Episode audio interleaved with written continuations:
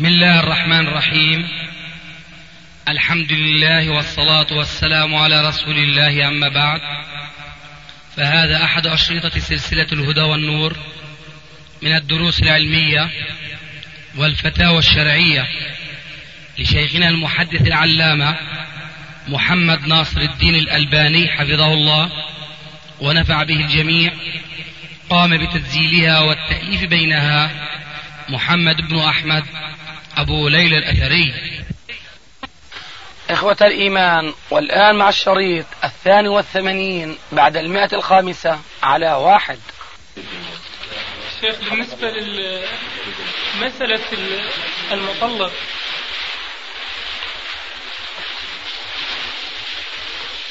بالنسبة للمطلق يعني إذا طلق زوجته طلاقا أنه كان في وعي التام لكن كان في يعني في في غضب.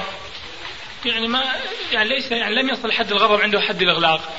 لكن إيش يقصد في يعني في هذا الطلاق التأديبي؟ يعني فهل يقع الطلاق في هذا الشيء أم لا؟ يبدو من سؤالك أن في طلاق هذا المطلق شيئين.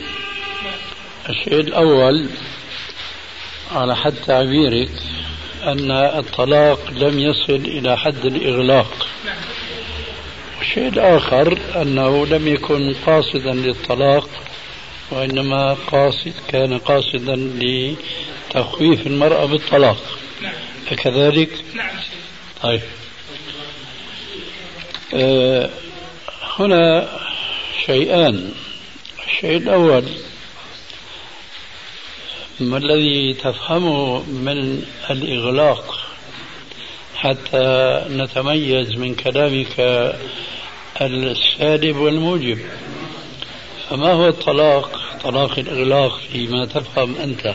فيما أفهم هو الخروج عن الحد الاعتيادي في مسألة الغضب. يعني أنه لا يشعر في عندما يتكلم لا يشعر بكلامه أو لا يفهم معنى ما يقول يعني هذا حسب مفهوم يعني معناها أن هذا صار مجنونا.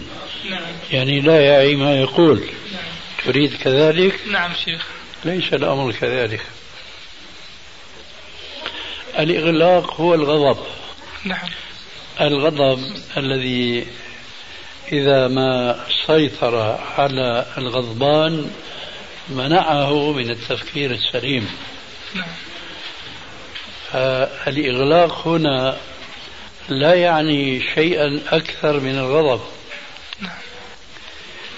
كما قال عليه الصلاة والسلام في الحديث الصحيح لا يقضي القاضي بين اثنين وهو غضبان. ذلك لأن الغضب يطور طبيعة الإنسان فيحول بينه وبين التفكير السليم. ثم هذا الغضب ينافي العزم المذكور في الآية الكريمة فإن عزموا الطلاق فإن الله من بعدها لغفور رحيم. فكل مطلق يريد أن يطلق طلاقا شرعيا فلا بد أن يتحقق في نفسه وفي قلبه العزم على الطلاق. وليس يصدر منه الطلاق كثورة آنية وإنما كما يقال اليوم عن سابق تصوير وتصميم. فمن عزم وجمع الفكرة على أن يطلق زوجه فهذا هو الطلاق. أما إذا أثير وأغضب ثم طلق فهذا هو طلاق الغضبان الذي أراده الرسول عليه الصلاة والسلام في الحديث المعروف في السنن لا طلاق في إغلاق هذا أولا نعم. ثانيا ينبغي أن نعرف في هذا المطلق الذي تقول إنه كان غضبان نعم. لكن لم يصل به الغضب إلى الإغلاق نعم. تقول مع ذلك كان يقصد إرهابها وتخويفها. نعم. فماذا كان لفظه؟ أنت طالق. إنشاء قال لها أنت طالق. نعم. هكذا. نعم. مش يعني يمين بالطلاق وما شابه ذلك. لا لا ما قال يعني قال لها أنت طالق. أنت طالق. فانظر الآن هنا الطلاق عند العلماء قسمان. طلاق صريح وطلاق كناية. وعليكم السلام ورحمة الله وبركاته. فالطلاق الصريح لا يجدي فيه ولا ينفع القصد. فإذا طلق طلاقا صريحا لا يقبل منه أنه كان يريد تخويفها وإرهابها نعم. بخلاف طلاق الكناية فهنا يقبل تأويله. أن يقول لها مثلا روحي ما بدي إياك اذهبي إلى أهلك. ونحو ذلك. هذا طلاق غير صريح. فهنا هو يدين ويقبل نيته. فإن قال أنا ما أردت تطليقها يقبل منه. أما إذا قال لا أنت طالق لا يقبل منه. والغضب ما يجزي عنا يعني يمنع عنا نحن الآن في النقطة الثانية. نعم. نعم النقطة الأولى زعمت بأنني انتهيت منها. آه نعم نعم. آه. بارك الله فالآن نحن في النقطة الثانية. نعم. الطلاق قسمان إذا نعم. طلاق صريح وطلاق كناية. نعم الطلاق الصريح لا يقبل فيه قصد المطلق لغير الطلاق. نعم. لغير الطلاق لا يقبل منه. نعم. أما الطلاق الكناية فهنا يقبل منه قصده فيتأول كلامه. واضح هذا؟ نعم بارك الله. آه، يبدو أنه لا بد من العودة إلى طلاق الغضبان. نعم. طلاق الغضبان لا يستطيع أي إنسان أن يحكم على زيد المطلق بأنه كان غضبان أو لا وإنما هو يحكم بنفسه على نفسه. فإذا قال هو أنا كنت غضبان فقبل منه هذا. ولا بد من شاهد يشهد بأنه فعلا كان غضبان ولكن ليس عندنا ميزان مثل البارومتر وأمثاله نعم. أن نقيس نسبة الغضب فيه. هل وصل إلى حد يمنعه من التفكير السليم ومن العزم على الطلاق أو لم يصل؟ لا يوجد شيء من هذا القبيل إطلاقا ولذلك فيكتفى منه إذا قال إني كنت غضبان. فحينئذ لا ينفذ طلاقه. للحديث السابق لا طلاق في إغلاق. نعم. ولكن هنا شيء أخير ألا وهو. وعليكم السلام ورحمة الله وبركاته.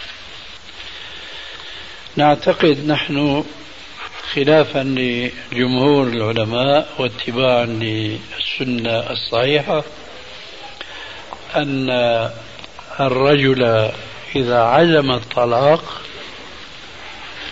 لا أقول الآن إذا طلق وإنما أعبر بعبارة أدق. فأقول إذا عزم الطلاق فلا بد من أن يشهد عليه شاهدين عدلين. فإذا لم يفعل فالطلاق موقوف عن التنفيذ حتى يشهد. أي إن لم يشهد فلا طلاق. واضح؟ وبهذا ينتهي الجواب عن ذاك السؤال. طيب شيخ بالنسبة لطلاق السكران. طلاق السكران ينفذ لأنه آه، يعتبر جانيا بنفسه على نفسه. كالهاجر بل هو بالطلاق أولى من الهاجر. لأن الذي يهجل هو طلاقه واقع. فالذي يسكر بتعاطي الخمر نعم. فهو أشد إثما من الهاجل بالطلاق. فإذا كان الهاجل بالطلاق ينفذ طلاقه فبالأولى أن ينفذ طلاق السكران خلافا لمن يقول بأن هذا ليس مالكا لإرادته. لأن الجواب أنه كان مالكا فأفقدها أي بسعيه وكسبه. يعني هذا كحكم شيخ عفوا أم تأديبا؟ يعني له تأديبا له أم كطلاق حكمي يعني؟ يعني يختلف عن مسألة لا هذا بلا شك حكم يعني من باب إلحاق السكران بالهاجل نعم شيخ. لكن هو فيه ردع له عن نعم. السكر. طيب شيخ هناك في المسألة أنه الكثير من الناس مثلا يطلق الزوجة لكن بدون مثلا علم المحكمة ثم يراجعها ثم يطلقها وكذا وكذا فبعض المشايخ يقولون إنه لا يثبت الطلاق يعني إلا طلاق المحاكم أو طلاق القاضي مثلا حتى وان طلقها عشر مرات يعني ولم يشهد على هذا الطلاق فيقولون إنه الطلاق هنا يشهد القاضي عفوا ليس جماعة المسلمين أو إمام المسلمين. السلام ورحمة الله وبركاته. أيوه. فها هنا الطلاق يعني يقع بدون إشهاد القاضي أم لا؟ أه قاضي المحاكم عفوا نقصد أنا فاهم نعم. إذا أشهد شاهدان عدلان كما قلنا نعم فالطلاق وقع سواء وصل أمره إلى القاضي أو لم يصل نعم. وبخاصة أن القضاء اليوم ليس كما ينبغي من حيث التمسك بالأحكام الشرعية نعم. أما وهذا تكرار لما مضى نعم. إذا طلق ولم يشهد ففعلا هذا الطلاق غير واقع حتى يرفع إلى القاضي ويوقعه فعلا نعم. لكن تسجيل الطلاق ليس شرطا لوقوع الطلاق غيره طيب في مسألة رجل كان عنده مبلغ من المال هذا المال كان محجوز تقريبا في أحداث الكويت اللي صارت مثل في البنوك فبقى تقريبا سنة. فهذا المبلغ يعني قبل ما يجي قبل ما يفتحون الحصار عن الكويت في مسألة تجميد الأموال. عليكم السلام كان يستدين بعض المبالغ ويعطي. فبعد هذه السنة يعني حصل على المال هذا مالته. فهل في هذا المال زكاة أم يعني ما حكم هذا المال؟ طبعا هذا المال إن كان بلغ نصابا نعم. وحال عليه الحول نعم. ولو حالت عليه أحوال وسنين ولم يخرج الزكاة عن كل هذه السنين فعليه أن يخرج المال زكاة المال عن هذه السنين كلها. لأنه هذا حق الفقراء المساكين فإن تأخر عن إخراجها عن كل سنة لسبب أو آخر فذلك لا يسقط الوجوب إخراج الزكاة عن ذاك المال عن كل سنة في سنتها. مو هو هنا شنو يعني كان يستدين بعض الأموال والاسترجاع لأن ما يعني ما يملك هو هذا المال يعني هذا المال كان غاب عليه. فمن اجى هذا المال تقريبا يعني يبقى أقل من النصاب عنده حتى يوفي ديونة اللي عنده. إذا أقل من النصاب ما عليه زكاة ولكن نعم. الموضوع أنه حينما كان حبيسا هذا المال نعم. كان يبلغ النصاب أم يبلغ لا؟ يبلغ نعم. طيب. حينما استقرض نعم. حينما استقرض هذا المال يطرح من ذاك المال. نعم. فهل نقص عن النصاب؟ نعم ينقص عن النصاب. ينقص عن النصاب. آه نعم. حينئذ لا زكاة يوم نقص. أما إذا كان مضى من قبل سنة أو أكثر والنصاب كامل نعم. فلا بد من إخراج الزكاة. طيب عفوا عندنا مبلغ من المال. يعني تقريبا النصاب فلنقل إنه 400 دينار. فهاي ال 400 دينار يعني قبل ما يحول عليها الحول بشهر زادت 100 دينار أخرى. فهل يزكى جميع المال أم يلحق بالنصاب؟ بمعنى خلينا نحن نصور صورة أكبر مما صورتها. نعم. عنده نصاب النصاب كما فرضت 400 دينار. نعم. في قبيل السنة نعم. قبيل حولان الحول جاءه ألوف مؤلفة. نعم. هو عنده 400 دينار. آه. فهو يخرج عن ال 400 دينار زايد الألوف المؤلفة. نعم. الألوف المؤلفة التي جاءته قبيل انتهاء الحول تلحق بالنصاب ويخرج عن مجموع المال الذي لديه. يعني جميعا. جميعا. يعني يعتبر كل كله يزن أي نعم. هذا هو القول الراجح في هذه المسألة وهناك قول آخر أنه لا بد لكل نصاب من قيد ومن حساب. نعم. لكن هذا بالنسبة للتجار أمر آه، أشبه بتكليف على بطاق نعم. لأنه بعض التجار ربما يأتيهم في اليوم عدة أنصبة. فبده يسجل اليوم الفلاني ساعة كذا بدأ النصاب كذا وإلى آخره. ولذلك فالأليق بقواعد الشريعة من جهة والأنفع للفقراء من جهة ثانية هو القول الذي قلناه آنفا. بارك الله إذا كان ذهب هذا المال قبل كيف؟ إذا ذهب هذا المال هذا واحد عنده غنم. قبل الحول بشهر تقريبا باع هذا المال خلاص. لأنه يشترط آه، حولان الحول دون أن ينقص النصاب. نعم. فإذا نقص ارتفعت الزكاة. هو كل عام قبل النصاب في شهر يكون هذا راح إيه بس ما يقصد الاحتيال. نعم. إذا راح عفو الخاطر كما يقال فلا زكاة لكن بقصد أن لا يحتال. يعني كما قيل عن بعض الفقهاء أنه كان قبيل لانتهاء الحول بيوم يومين يعطي الزكاة لزوجته هبة. وهو عنده يجوز آه، استعادة الهبة. فإذا انتهى الحول أرجع المال إليه وبذلك يتخلص من الزكاة. هذا احتيال والاحتيال هو من شأن اليهود فلا يجوز للمسلم أن يقع وأن يتشبه باليهود خاصة فيما كان فيه ظلم للفقراء والمساكين. نعم. شيخ بالنسبة للامرأة إذا كانت تريد أن تسافر مثلا كهجرة بدون محرم آه، للضرورة يجوز لها؟ ولا كيف؟ إذا كان العلماء يقولون الفتوى على قدر النص نعم. ونصك كما أنت نصصت أي قلت للضرورة فالضرورات تبيح المعذورات. لكن على مسؤوليتك. ماشي. ربما ما يكون هناك ضرورة. فهو كذلك شيخ يعني ها؟ باب الأمنيات شيخ إيش الأمنيات؟ تحدد.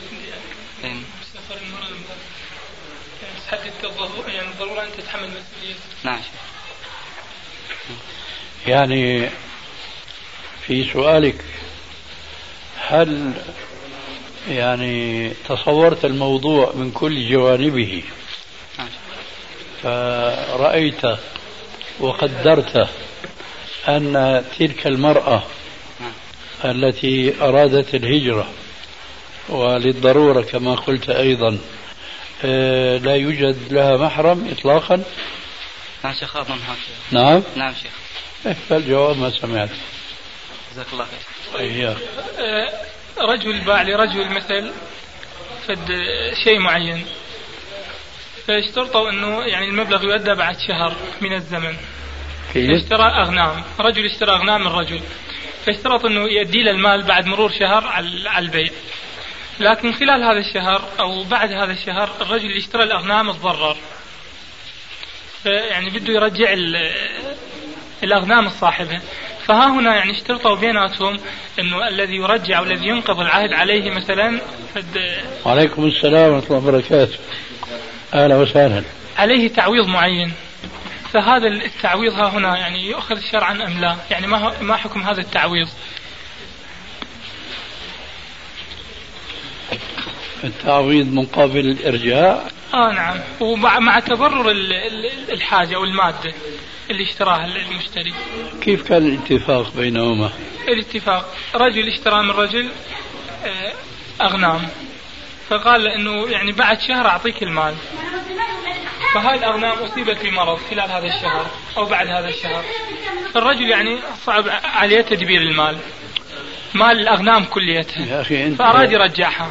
اصبر بينما كنت تتكلم عن الاتفاق نعم وإذا بك صرت تتحدث عن التاريخ نعم. أي عما وقع أنت أتمم الاتفاق كيف كان أنه يعطي ال- الاغنام تأدية المال يكون بعد شهر. إلى هنا واضح. واضح. بعده بأثناء هذا الشهر أصيبت الأغنام بال- بالضرر الاتفاق انتهى؟ آه نعم انتهى الاتفاق. لكن إيش تعويض؟ يعني في الاتفاق كان أنه ال- الذي ينقض العهد أو ينقض ال- العقد عليه تعويض معين. آه هذا الرعبون يعني. ها؟ نعم. لا مش العربون تعويض مثلا اشتريت منك شيء بخمسة آلاف دينار. اتفقنا إنه ين- ينقض هذا العهد واحد يؤدي الآخر ينقض يؤدي 100 دينار مثلا. لكن في أثناء هذا الشهر وفي أثناء هذه المدة الأغنام أيضا تسببت بضرر. فهل يصح يعني إرجاع هذا الشيء أم ما يكون الحكم الشرعي فيه؟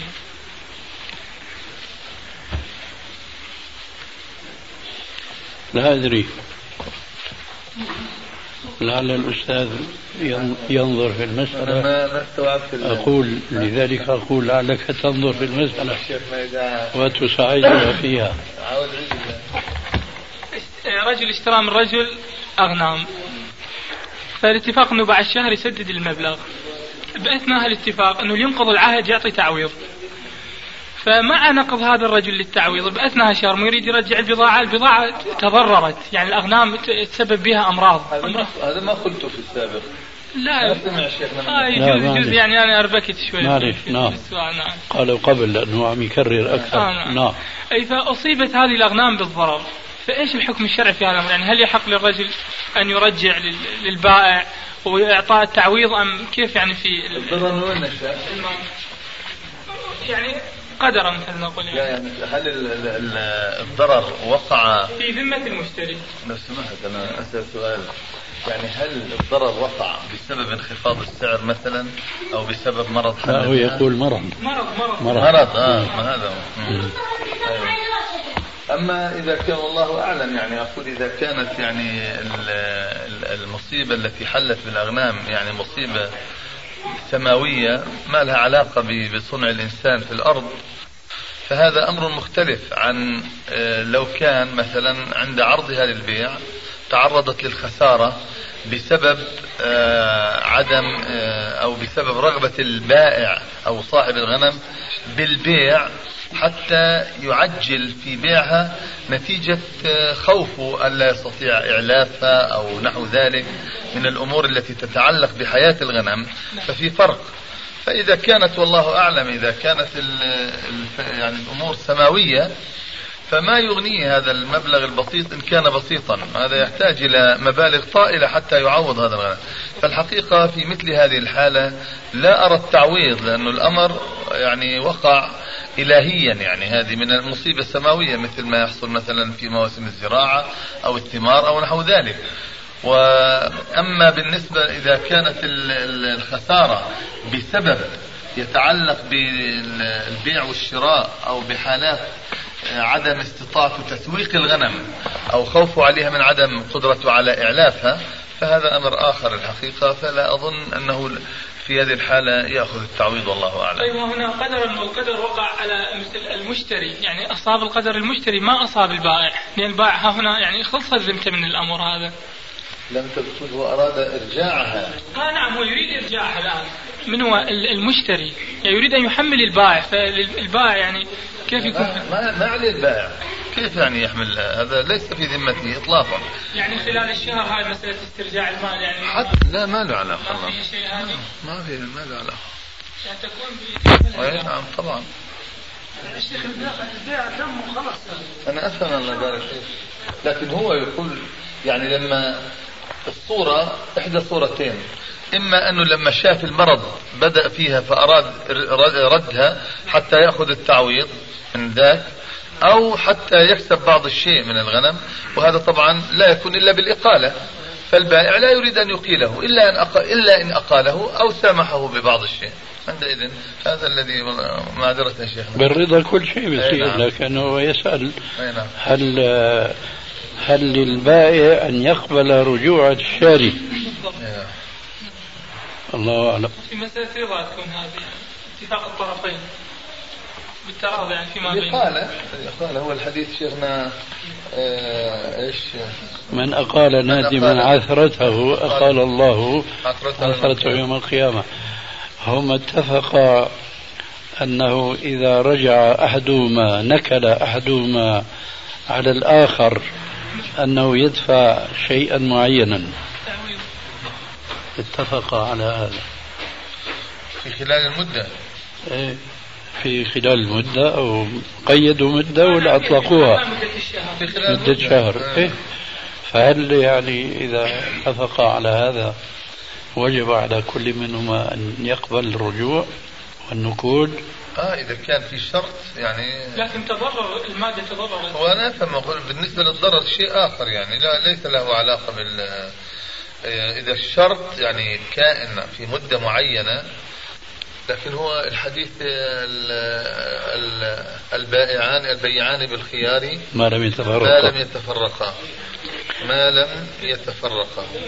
لكن هذا الشرط يعني آه، هو في هناك حديث شيخنا أيضا كمان في المؤمنون عند شروطهم آه، نعم ما لم يستحلوا حراما أو أي نعم. يحل أي نعم. ما لم يستحلوا حراما أو أو يحرم حلالا حلالا. نعم نعم. لكن هون شيء اللي عم يجعلني أتردد في الموضوع موضوع وضع الجوائح الجائحة لا الجائحة نعم هنا في شبه بالجائحة كبير هو جائحة هي فعلا ما هو هو قال نتيجة مرض. حينئذ يعود على البائع. إذا ألحقناه بالجائحة ينبغي أن يعود على البائع. في خلال المدة هذه؟ مطلقا. الجائحة تعلمون جيدا إذا ضمن الشاري ضمانا في شجر معين نعم. ثم أخذتها جائحة. نعم. يقول الرسول بما يستحل نعم. أحدكم مال أخيه. نعم نعم. فإذا يجب أن يعيد المال الذي أخذه. وهذه تقاس عليها يعني؟ هذا الذي يتردد فيه هل تلحق بالجائحة أم لا؟ تحتاج إلى تفكير. كما تعلم في هناك يقول يدفع 444 ريال هذه يسموها الزمازمة أو مطوفين الله أعلم إيش ما معروف فيه يأخذ منهم هذه الحكومة السعودية فرض هذا الشيء. فبعض الأخوة يذهب ويحتال على الحدود ولا يدفع هذا الشيء. يحتال بطريقة ويذهب ما يدفع هذا الشيء ثم يسترجع هنا في الأردن. يجوز هذا؟ هذه مقابل ماذا؟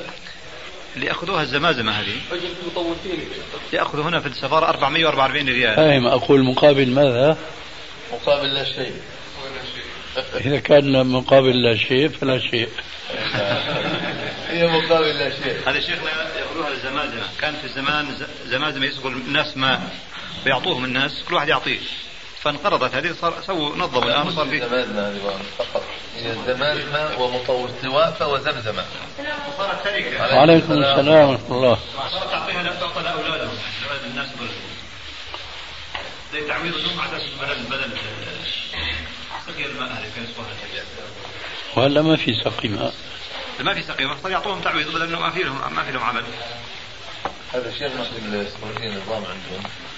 إنه هذه الطوافة ما يسمى بنظام الطوافة عندهم. توافق طوافة هذه الطوافة ورثها الأبناء عن ال- الآباء الآباء والآباء عن عن الأجداد. وهكذا ظلت في أعقابهم فهي شيء موروث. يعني هذا ولذلك لما بصير في له أكثر من ابن وبنت بتوزعوا هذه التركة. فبتصير البنت أيضا مطوفة. بتأخذ حصتها من الطوافة كما يأخذ الولد. ها؟ اي نعم. ولذلك هذا ال ال ال ال ما يؤخذ هذا شيء تعارف يعني نظام وضعته الدولة لهؤلاء الناس. مثلا الوزارة هناك أو الحكومة تقسم ال- الحجاج بين المطوفين هذا بيطلع له ألف هذا ألفين نعم. حسب قدرته أيوة. فالحكومة لما تجبي هذا المال من الحجاج تودع في عندها في البنوك بعدين هي اللي تقوم بتوزيع هذه الأموال كل حسب حصته أو نصيبه فيأخذ كل واحد نصيبه الحجاج التي أخذت بغير وجه إلا أنها شيء تعارف الناس تعارفوا عليه وأصبح حقا مكتسبا ولو لم يؤدي المطوف حقا من الحقوق لهذا الحاج. أبدا.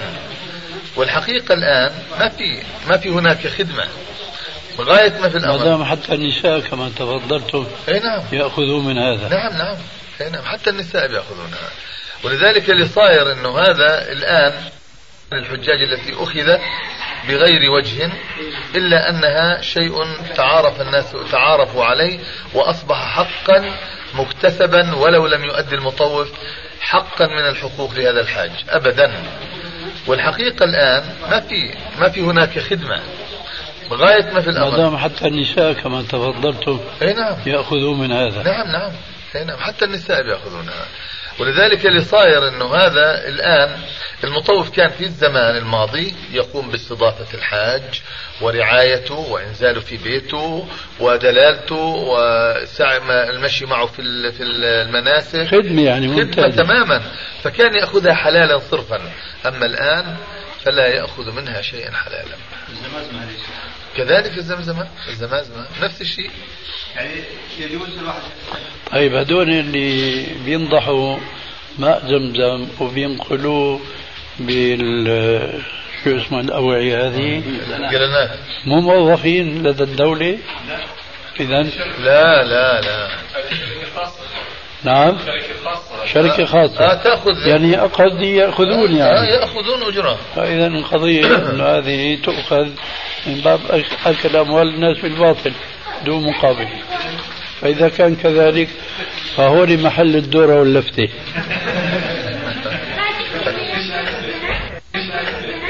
ما ما حكم العمل في دائرة الزمالك موظف يقولوا في سوريا ابعد عن الشر وغني له ابعد عن الشر ما استطعت لأن الرسول يقول من حام حول الحمى يوشك أن يقع فيه.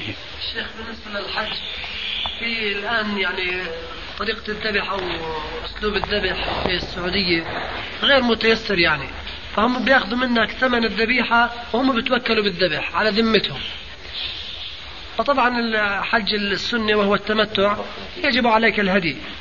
فعندها تثق ب يعني تعطيهم هذه ثمن هذه الذبيحة و... أما أنا فلا والله. وأما الحكم؟ الشرعي أما أما الشعب فدود الخل منه فيه. الناس أكثر الناس هيك بدهم. بينما ال- السنة أن تذبح بنفسك إن لم تستطع توكل غيرك تشرف عليها تأخذ منها تأكل منها توزع منها إلى آخره كل هذه تذهب هباء منثورا بهذا التوكيل على أنه يرد ما أشرت إليه. إني وذمتهم وين الذمام اليوم؟ لا يعني كحكم شرعي إذا ما استطعنا أنه نشتري مثلا ذبيحة هناك ونذبحها. لا هلا صار شيء ثاني آه. الآن وضعت قيدا إذا ما استطعنا أيوة. طيب ما يستطيع لا يكلف الله نفسا إلا وسعها يعني ندفعها ندفع ندفع مثل الضرورة هذيك ندفع الساعة. قيمتها ونتوكل على الله يعني في مجال في مجال بيقولوا بسكروا المسلخ ولا شو ولا نعم. يا أخي الوكالة هي فيها أمور فوضوية كثيرة فيها ما جدا فيها يعني. فيها ما فيها لأنه بجوز أنت تدفع ثمن أضحية أقل مما يعطى لك والعكس بالعكس بالنسبة لغيره وبعدين ما في تحري شيخنا أيضا في استحسان الذبائح هذا هو وملاحظة شروط فيها. زين هو المسألة بس تصير وظيفة تفسد. على شوف الإمام صار موظف رسمي ما بيأدي وظيفته. المؤذن ما بيأدي وظيفته. خادم المسجد ما بيأدي وظيفته لأنه الهم هو المال. أما الشيء اللي بينجح فيه الإنسان هو إذا كان خالصا لوجه الله. ها صار الوقت. يعني أنتم الوقت عندكم آه، تلاحظونه؟ ست دقائق. بالنسبة للأذان. ست دقائق للأذان لاحظتم الغروب ولا بد؟ الغروب عليه الساعة هل- الأذان. الأذان إلا خمسة. إلا خمسة؟ آه يعني فالآن صار الوقت عندكم. تفضل. شيخ بالنسبة للمولد النبوي شيخ يعني إحنا بالعراق يقولون نسوي المولد شيخ مو كمولد بس على مود يعني أكو مثل المجال على مود يسوون محاضرات ولقاءات مثل العذر على مود هالشيء فهل جائز والطعام اللي يسووه على هالشيء اكله حلال أو لا؟ مهما طوروا المولد في العراق أو في عمان أو في سوريا فهو آه، من محدثات الأمور لكن بلا شك آه، كما قيل حنانيك بعض الشر أهوى من بعض. إلا أنه تحديد وقت معين وتسميته احتفال بالمولد النبوي هذا بلا شك من محدثات الأمور. فقد تزداد المخالفة فيما يجري في هذا الاحتفال. فإن كان مثلا يقع فيه مخالفات شرعية أخرى فتزداد المخالفة أما إذا مثلا ألقيت محاضرات نعم. وفي هذه المحاضرات وجه الحاضرون إلى معرفة شيء من أخلاق الرسول ومن دعوته ومن سنته فهذا بلا شك أهون بكثير وخير بكثير من قراءة قصة المولد على عجرها وبجرها لكن مع ذلك لا يجوز تخصيص شهر معين أو يوم معين للاحتفال بالمولد ولو كان هذا الاحتفال ليس ليس فيه مخالفة للشريعة. شيخ مرات بعد تقريبا باسبوع أسبوعين يسووا على الاحتفال ويسوون أكل شيخ. فالطعام هذا مو يكون لا طعام لا كل شيء يضاف في هذا الشهر فهو من محدثات الأمور. خطوة بالنسبة لطلاب العلم. النص المطلق النص المطلق شرعا ينبغي إجراءه على إطلاقه ولا يجوز تقييده بقيد من غير القيد الشرعي. كذلك النص المقيد شرعا لا يجوز فك القيد عنه لأن كل من هذا وذاك هو تشريع من عندنا. إذا كان هناك نص مطلق فنأتي نحن نقيده إما بزمن أو بكيفية أو بنحو ذلك. هذا تشريع وهذا شيء مستنكر كما تعلمون. أم لهم شركاء شرعوا لهم من الدين لم يأذن بالله. كذلك إذا جاء أمر مقيد بوقت أو بزمن فلا يجوز لنا أن نفك القيد ونطلق الأمر. فيصير تشريع معاكس للشرع وكل ذلك لا يجوز. تفسير قوله تعالى يوم يكشف عن ساق. فالمفسرين دائما يذكرون حديث البخاري اللي يبين الآية الكريمة.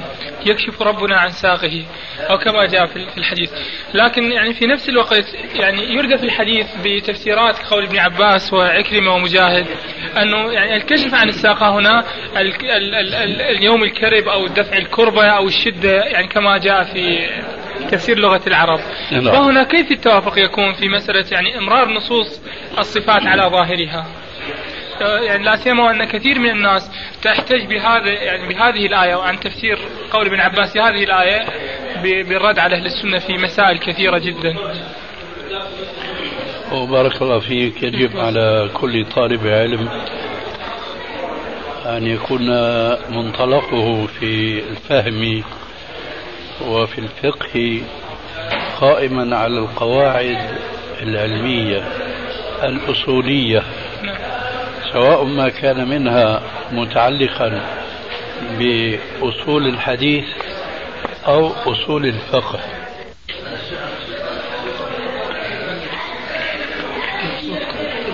ليس من العلم عند أحد من أهل العلم أن يعارض قول رسول الله صلى الله عليه وآله وسلم بقول غيره ممن ليس معصوما. ثم بالتالي ليس من العلم محاولة التوفيق بين الحديث المرفوع والقول الموقوف. ليس هناك حاجة لإعمال الفكر في سبيل التوفيق بين الحديث المرفوع والحديث الموقوف. فقول ابن عباس إن صح. لا ينبغي أن يعارض قول الرسول عليه السلام. فتنتهي المشكلة. لماذا تفكرون أن تعالجوا آه، قضية ليست هي في ذات نفسها مشكلة؟ تريدون أن توفقوا بين قوله عليه السلام وقول ابن عباس. هذا ما ينبغي. إذا قالت حذامي فصدقوها فإن القول ما قالت حذامي. فإذا قال رسول قولا فما ينبغي أن نلتفت إلى غيره. ليست مشكلة أهل السنة وأهل البدعة ومن هؤلاء هم متعصبو المذاهب. ما هي المشكلة بيننا وبينهم؟ نحن نقول قال الله قال رسول الله. هم يقولون قال الإمام. هذه مشكلة؟ هذه ليست مشكلة عندنا. أما عندهم وهم الذين يقدمون قول الإمام على قول سيد الرسل فضلا عن الأئمة هي مشكلة عندهم. أما عندنا فلا إشكال في ذلك أبدا. لعلك حصلت الجواب. آه بارك الله لكن يعني يحتجون بعضهم يحتج يقول إنه يعني مذهب أهل السنة والجماعة بأخذ النصوص الشرعية يكون من افواه العلماء على فهم العلماء لها فبعضهم يقول إنه ابن عباس رضي الله تعالى عنه والعلماء يعني من التابعين كعكرمه ومجاهد يقول يعني نأخذ فهم الآية على فهمهم هم. المسألة لما يكون مسألة فهم فالكلام صحيح. لكن لما يكون مسألة نص لا يقبل فهما آخر ولا يقبل خلافا فحينئذ المسألة كما قلنا آنفا. يوم يكشف عن ساق أي عن ساقه تبارك وتعالى. إيش علاقته بالفهم هذه؟ أما حينما تكون المسألة تحتمل وجهين من حيث الأسلوب العربي لا شك أن المرجع في ذلك إلى العلماء. طيب شيخ هنا عفوا في مسألة المؤولة يعني متى يكفر الرجل مسألة إيش؟ المؤولة الذين يؤولون نعم. متى يكفر الشخص أو متى يفسر؟ ومتى يعني يكفر كفرا لا يكفر المسلم ما دام لم يظهر منه المعاندة للنصوص. ما لم يظهر منه المعاندة للنصوص. نعم. وإنما عنده وجهة نظر هو مخطئ عندنا بلا شك لكنه لم يتبين لنا أنه تبين له الحق ثم جحده كما هو طبيعة الكفار الذين كفروا بالقرآن الكريم. وأخبرنا رب العالمين عنه بقوله وجحدوا بها واستيقنتها أنفسهم فالذي يستيقن الحق ثم يحيد عنه فهو الكافر.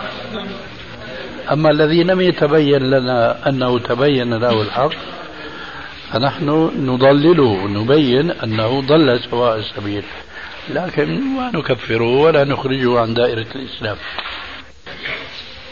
في مسألة المسجد آه، بعض المساجد يعني يضاف لها قبور مثل في الحديقة أو في غرفة خاصة. فحكم الصلاة في هذا المسجد يعني تكون مثل التحريم أم على الإبطال على ماذا؟ أولا الغرفة المضافة إلى المسجد إما أن يكون باب هذه الغرفة إلى المسجد فهي من المسجد فلا فرق حينئذ أن يكون القبر آه، مستورا بالغرفة أو مكشوفا بدون غرفة. ما دام المدخل إلى القبر من المسجد. أما إذا كانت الغرفة المدخل إليها الغرفة التي فيها القبر المدخل إليها من خارج المسجد من الطريق مثلا هذا لا يعتبر ملحقا بالمسجد. يعني الأرض الوقفية بالنسبة للمسجد تعتبر من الباب الخارجي أم من الباب الداخلي؟ يعني المصلى الباحة باحة المسجد؟ الأرض الوقفية مثلا هذا نحن في مسجد. نقول إنه مثل القبر يعني غرفة الإمام تكون منعزلة عن المسجد. معلوم تخرج من المصلى ثم تنزل الغرفة. فهذه الغرفة يعني تعتبر من المسجد أم من خارج المسجد؟ يعني الأرض الوقفية بالنسبة للمسجد. هذا فهمت منك. وعليكم السلام ورحمة الله وبركاته. وأنت الآن ذكرت الإمام. غرفة الإمام تكون من المسجد يعني. أنت الآن ذكرت الإمام. نعم. وذكرت غرفة الإمام. نعم هل هذا له علاقة بسؤالك السابق؟ نعم. في سؤالك السابق لم تذكر الإمام ولا ذكرت غرفة الإمام. كل ما في الأمر ذكرت أن القبر في غرفة. فأنا أعطيتك الجواب. الغرفة تكون يعني داخل باحة المسجد. يا أخي بارك الله فيك. حسن السؤال نصف العلم. نعم. الغرفة التي فيها القبر. نعم. قلنا إن كان باب الغرفة إلى المسجد والدخول إلى الغرفة من المسجد فهذه الغرفة وبما فيها من القبر ملحقة بالمسجد. نعم فهمت. وإن كان الباب إلى الطريق نعم. فهي ليست ملحقة بالمسجد. الآن شو اللي جد معك لما ذكرت الإمام المسألة- وذكرت الباحة؟ الأرض الوقفية يعني مسألة الأرض الوقفية للمسجد إيش اللي تتبع يعني شو اللي يتبعها؟ يعني تابع لوقف المسجد حتى يعتبر من المسجد. من السور الخارجي أم من يعني أين؟ الأشياء التي يعني فقط تتصل بالمصلى هذا ليس له علاقة بسؤالك السابق. لا هو أنا سألته على هذا المنوال. يا أخي الدخول إلى هذه الغرفة من المسجد أم من خارج المسجد؟ أنا باعتقادي أنه المسجد يشمل السور الخارجي كليته يعني ما كان داخل هذا الشيء مسجد. ولو كان الباب من خارج ال- ال- الغرفة؟ نعم. هو مفصول. الغرفة مفصولة عن المسجد إذا كان بابها إلى الشارع إلى الطريق. نعم. فهي مفصولة. هب إنها موقوفة كالمسجد. نعم. لكن هي مفصولة عن المسجد إذا كان باب الغرفة إلى الطريق. نعم. هذه هي أرض المسجد كلها. نعم. ولنفترض أن المسجد قسمان. نعم. قسم مظلل اللي بيسموه الحرام نعم. والقسم الثاني مكشوف نعم. اللي بيسموه ساحة المسجد. نعم. فسواء كانت الغرفة هناك نعم. وين؟ في المظلل المظلل نعم. المثقف. نعم. أو كانت في هذه الزاوية نعم. المكشوفة؟ فإما أن يدخل إلى الغرفة من ساحة المسجد أو من حرم المسجد أو يدخل من الشارع. من الشارع. نعم. فإذا كان الدخول إلى الغرفة من الشارع وهي مفصولة. فهي غرفة. نعم. غرفة. الدخول إلى هذه الغرفة من الشارع فليس لهذه الغرفة علاقة بالمسجد. نعم. وإن كان الدخول إليها من المسجد فهو من المسجد ولا يجوز الصلاة في هذا المسجد سواء كان في المقدمة أو في المؤخرة. مع ذلك فلهذا البحث تفصيل آخر. لعلنا يتيسر لنا في مناسبة أخرى إن شاء الله. شيخنا حتى لو كانت الغرفة خارج حدود المسجد لكن الباب من جوات المسجد فحكم حكم المسجد. أي نعم. جزاك الله خير شيخنا. جزاك الله خير وسلمك الله. أهلا مرحبا. لعلنا نستفيد شيئا من عندك. والله في عندي سؤال لو أمكن آه، يعني في أمريكا مطروح وفيه نقاش في خلع ال- الزوجة آه، آه، يعني خلع الزوجة للزوج. هل يشترط فيها في الخلع موافقة الزوج إذنه أم لا يشترط؟ هل يشترط موافقة من الزوج؟ الزوج؟ نعم. لا بد من ذلك إلا في دراسة خاصة من قاض شرعي إذا تبين له بأن الزوج لا لا يستحق أن تعيش مع هذه المرأة لسوء خلقه فهو يفرق بينه وبينها رغم أنفه. أما إذا كان ليس هناك شيء من هذه الأمور المسوغة للتفريق بين الزوجين رغم أنف الزوج فلا يكون المخالعة إلا بموافقته. والدليل؟ الدليل أن المخالعة هو من باب المفاعلة تكون بموافقة الزوجين اثنين. فإذا تفرد به أحدهما لم يجوز إلا إذا كان المتفرد هو الذي قال عليه السلام الطلاق بيد من أخذ بالساق. نعم. أنت تعلم أن المرأة ليس في يدها تطليق الرجل وإنما هو الذي يطلق. لكن المخالعة إذا لم يكن هناك ظلم وبغي واعتداء من الزوج على الزوجة فلا يستطيع أحد أن يفرض عليه المخالعة. الله فيك. شيخنا ممكن في الآية آه فلا جناح عليهما فيما افتدت به. نعم. يعني الافتداء بيد المرأة لكن عليهما كانوا لابد من موافقة اثنين يعني. إيه فيما افتدت به. لكن هل معنى هذا أنه يفرض على أحد الفريقين؟ لا رضا الاثنين يعني. قصدي هذا الأدلة على أنه يشترط رضا هذا معنى المخالعة يا أخي؟ هي الفدية هي المخالعة. أيوة. وهذا الذي قلته أنه ينبغي أن يكون بتراضي الزوجين إلا في حالة وصفتها آنفا.